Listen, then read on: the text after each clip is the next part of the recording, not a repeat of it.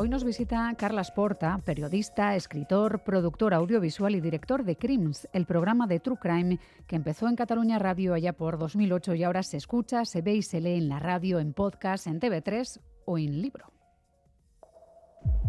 Les grans barbaritats les fan persones aparentment normals. Dos assassins fora de control. La policia ha muntat un ampli dispositiu. La noia de 14 anys que va ser trobada morta diumenge al matí en un revolt de... Fue usted el primero en disparar. Sí, sí, disparé yo. Hi ha una línia molt fina que separa la vida de cada dia dels fets més pertorbadors. I ens esgarrifem perquè qui els ha comès podria ser el nostre veí. Tenia trets. Fue galar- galardonado como el mejor programa de radio de 2021 y su audiencia acaba de batir récords con el 25,6% de cuota de pantalla y más de 500.000 espectadores. Pero quizá uno de los mayores reconocimientos ha llegado con el programa sobre una joven que apareció ahorcada hace más de tres décadas, la chica de Portbou. Soy Miriam Duque, la encargada de abriros esta Gambara Negra, un podcast de crónica negra en el que hacemos que ciencia, especialistas y pruebas hablen más que nosotros para recomponer la actualidad y tratar de entender la mente de quienes se escoran al lado oscuro.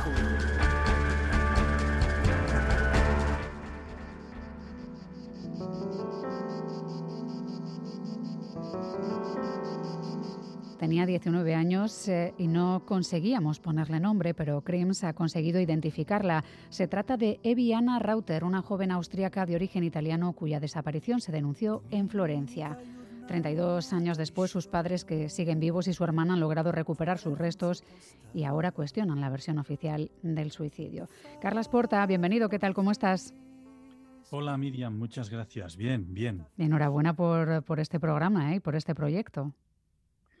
Muchas gracias. Al final, no sé, eh, trabajamos con toda la pasión del mundo y, no sé, las cosas nos están saliendo bien, tenemos un equipo maravilloso.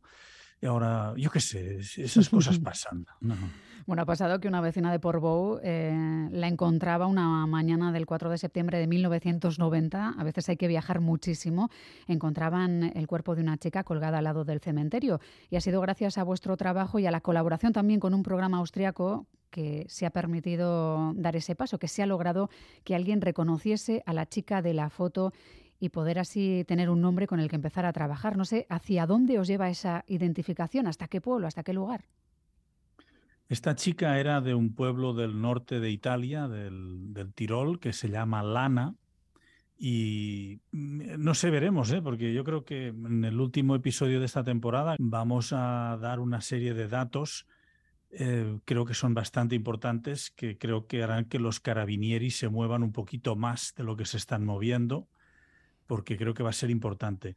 No, eh, aquí ha habido una cuestión de persistencia por parte de los medios locales de Cataluña, primero, que no dejaron morir el caso, y luego nosotros, que hace dos años empezamos con esta historia, mm, sabíamos que al lado del, del cadáver de esta chica estaban durmiendo seis chavales austríacos y decidimos investigar a los chicos austríacos. La Guardia Civil en el año 90 solamente les pidió el nombre y no siguió investigando porque consideraban claramente que fue un suicidio.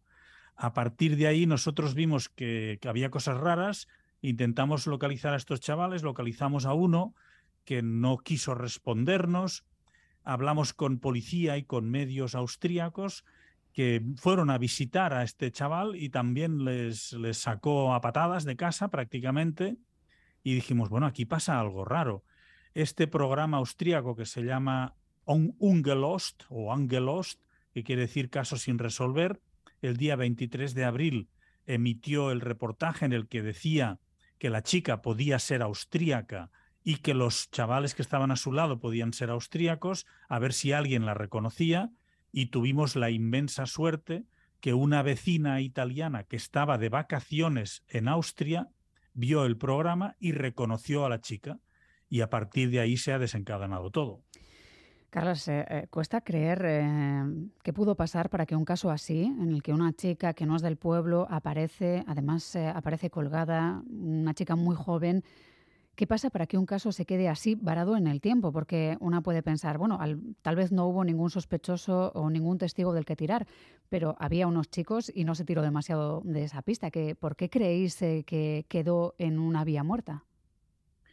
Bueno, a ver, primero mm, yo creo que aquí hubo un fallo mm, enorme de los, de los carabinieri, de la Guardia Civil y sobre todo de Interpol, que no conectó la desaparición de una chica de 19 años en Florencia con el hallazgo de una chica muerta en Portbou, en Cataluña, cuando la descripción que constaba en la denuncia por desaparición era buenísima y era exacta para identificar a la chica.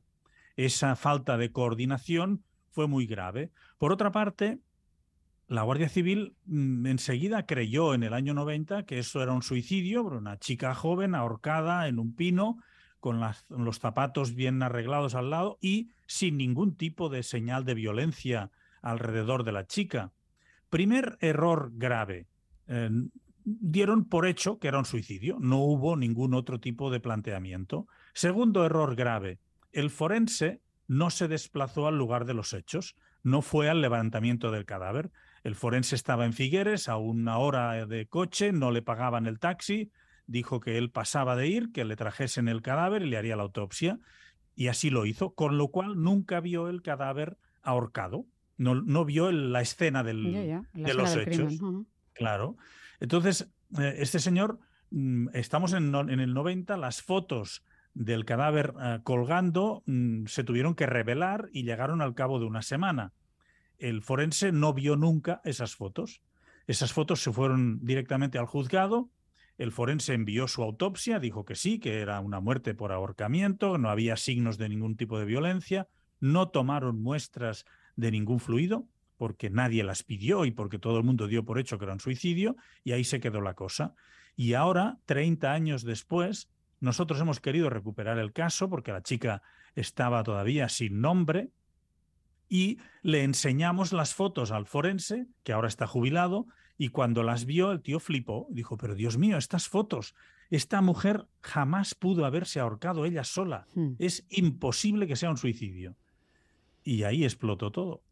Claro, ahí explotó todo, me imagino que la cabeza del forense incluida, porque claro, uno se hará muchas preguntas pasado el tiempo y empieza a tirarse de este hilo y empieza a conectarse con aquella denuncia que una familia pone en Florencia un día antes de que se localice el cadáver, porque además pasa muy poco tiempo, ¿verdad? Eh, en, principio en la denuncia consta la misma ropa que tendría ella cuando fue localizada, un peto vaquero, una camiseta turquesa, unos zapatos negros, un casio. ¿Cómo se recorren en menos de un día mil kilómetros?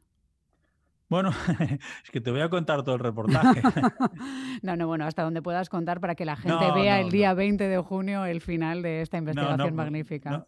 No, pasa nada, me guardo un par de datos súper chulos y te, lo cuento. Yo lo veré y seguro que la audiencia lo verá.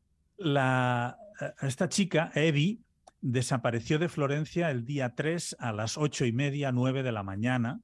Eh, había ido a visitar a su hermana Cristina, que estudiaba en Florencia. La hermana se despidió y se fue a la universidad y cuando regresó encontró una nota que había dejado Evi, que era la pequeña, Cristina tenía 23 años, Evi 19, y Evi le decía en un post-it de estos amarillos, mm, me iré a dar una vuelta a Siena y vuelvo mm, por la tarde. Y ya está. Eh, por la tarde no regresa, la hermana mm, acaba pensando que quizá ha perdido el último tren y que vendrá mañana. Al día siguiente no regresa su hermana pequeña y empieza a, sospechar y a tener miedo de ¿no? qué le ha pasado. Llama a sus padres, no, no, no sabemos nada, llama a las amigas, no, no sabemos nada, y se va a los carabinieri, a la comisaría de Florencia, y los carabinieri le dicen, mire, es una mayor de edad, tiene 19 años, mm, denunciar ahora no tiene sentido, tiene que esperar 48 horas con lo cual acabó esperando tres días. El primer día que ya había perdido, más dos días más. Ah, la chica desapareció el 3 de septiembre a las 9 de la mañana, más o menos, en Florencia. Y la encontraron ahorcada el día 4 a las 8 de la mañana en Portbou. ¿Cómo pudo haber llegado? Primera posibilidad. Ah, había un tren en esa época que le llamaban el italiano, que viajaba de noche, que salía de Florencia a la una y media del mediodía y llegaba por Bou a las cinco y media de la mañana, de la madrugada, más o menos. ¿Pudo haber tomado ese tren? Sí, pudo haber tomado ese tren. ¿Viajó sola? No se sabe. ¿No la vio nadie? No se sabe. Eh, ¿Qué preocupa? Eh, primero, en los bolsillos de la chica no se encontró nada, ningún tipo de documentación, ni dinero, ni, ni nada, ni, ni, la carta verde que tenía, ese billete que servía para viajar con todos los trenes, uh -huh. no se encontró nada. Eso es muy raro. Segundo elemento preocupante, la hermana dijo que era además su mejor amiga y que jamás se hubiese imaginado que Evi tuviese motivos para suicidarse. Era una chica feliz, no tenía problemas, no, tenía, no había tenido ningún desengaño amoroso, ningún motivo aparente que nadie conociese que pudiese llevarla al suicidio. Y eso, mmm, en, claro, en ese momento la Guardia Civil no lo supo porque nunca encontraron a nadie para preguntar, ¿no? Y eso empezó, eso, eso generó muchas dudas y ahora es lo que más dudas genera, además de la forma en que la encontraron ahorcada y que se puede ver en las fotos, que según el forense y otro forense austríaco también, y ahora mismo los carabinieri que nos han pedido la grabación para analizarla, pues entienden que es muy difícil que una persona se ahorcase sola de esa manera, porque uh -huh. Era muy difícil, la verdad es que es muy difícil. Sí, además hay algunas cuestiones que los forenses tienen muy estudiadas, eh, hay ciertas posiciones del cuerpo y ciertas situaciones que se producen sí o sí, entonces eh, para ellos es sumamente fácil cuando ven el cuerpo, claro, deben verlo en la escena del crimen para poder sacar esas conclusiones. Eh, Carlas, ¿cómo es vuestra relación con forenses, fiscales, policía? No sé si vais consiguiendo ganar colaboradores y de esta también saldrán colaboradores de los carabinieri. Eso, se va a complicar esto, ¿no? Ojalá. Bueno, no sé, mira, los carabinieri, no sé, espero que no lo escuchen, pero cuando empezamos a hablar con ellos fueron súper bordes, hmm. pero súper bordes. ¿eh? La verdad es que nos, nos mandaron a escaparrar, pero con una facilidad tremenda. Entonces les dijimos, oiga, por ustedes harán, esta ciudadana era italiana. Me parece que ustedes en su día no hicieron bien el trabajo y ahora lo están haciendo peor. Y yo creo que cuando vieron la dimensión mediática que tomaba el caso, ahora mismo están colaboradores y nos han pedido las cintas y yo creo que se pondrán las pilas, porque en Italia, si se puede demostrar que esto fue un asesinato premeditado y tal, eh, sería cadena perpetua y por lo tanto no prescribe. O sea, podrían eh, intentar interrogar como mínimo a estos chavales austríacos o intentar investigarlo. Pero bueno, eh, nuestra relación yo creo que empezó con todas mmm, las instituciones policiales y judiciales un poco fría y poquito a poco nos los hemos ido ganando a todos porque han visto la seriedad con que trabajamos, el rigor y el respeto con que trabajamos. Sí, porque eh, supongo que siempre tenéis presente que hay una familia que está ahí, una hermana, no solo que tengáis que conseguir testimonios, que es eh, algo que, bueno, pues que ayuda mucho porque se dibuja mucho a una persona, sobre todo cuando hablamos de algo que ha pasado hace tantos años.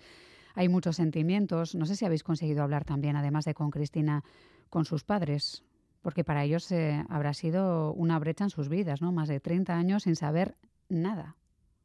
Sí, sí, lo, lo, han pasado muy mal y lo están pasando muy mal. Sí hablamos con sus padres. Lo que pasa es que Cristina nos pidió eh, respetarlos mucho, respetarles sí. una intimidad importante y lo hemos hecho.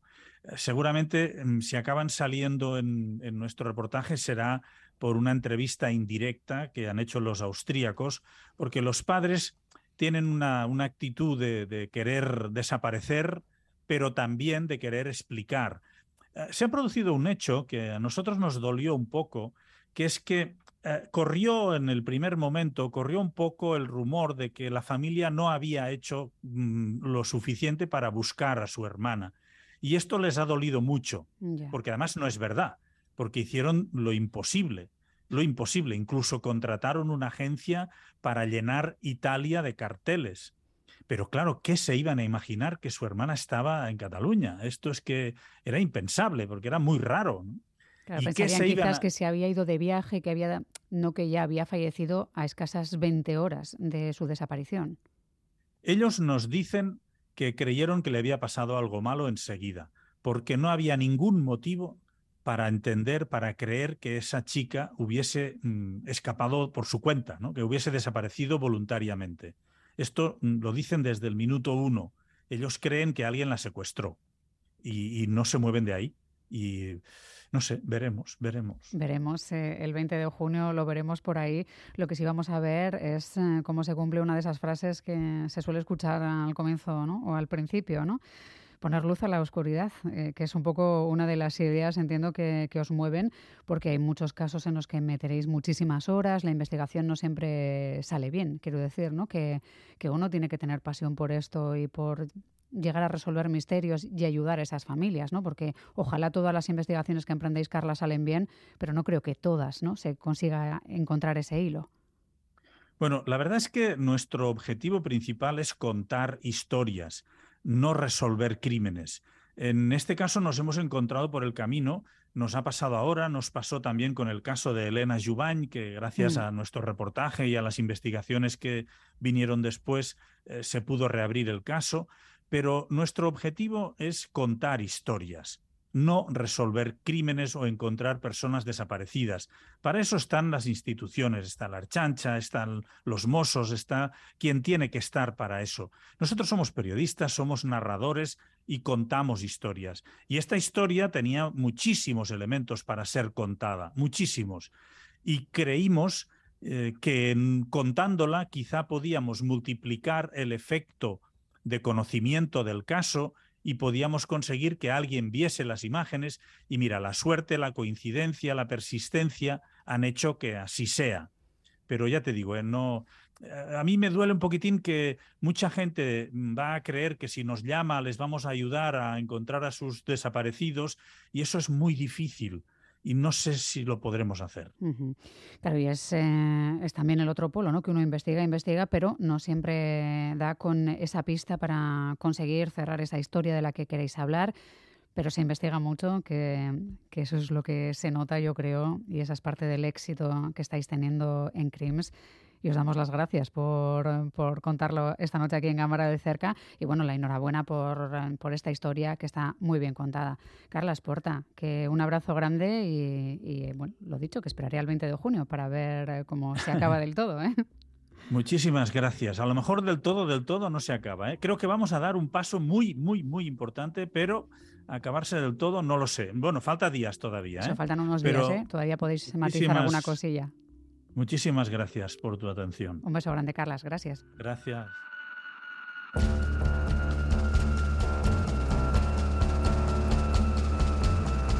Gambara Negra, el podcast de crónica negra e investigación de EITV Podcast.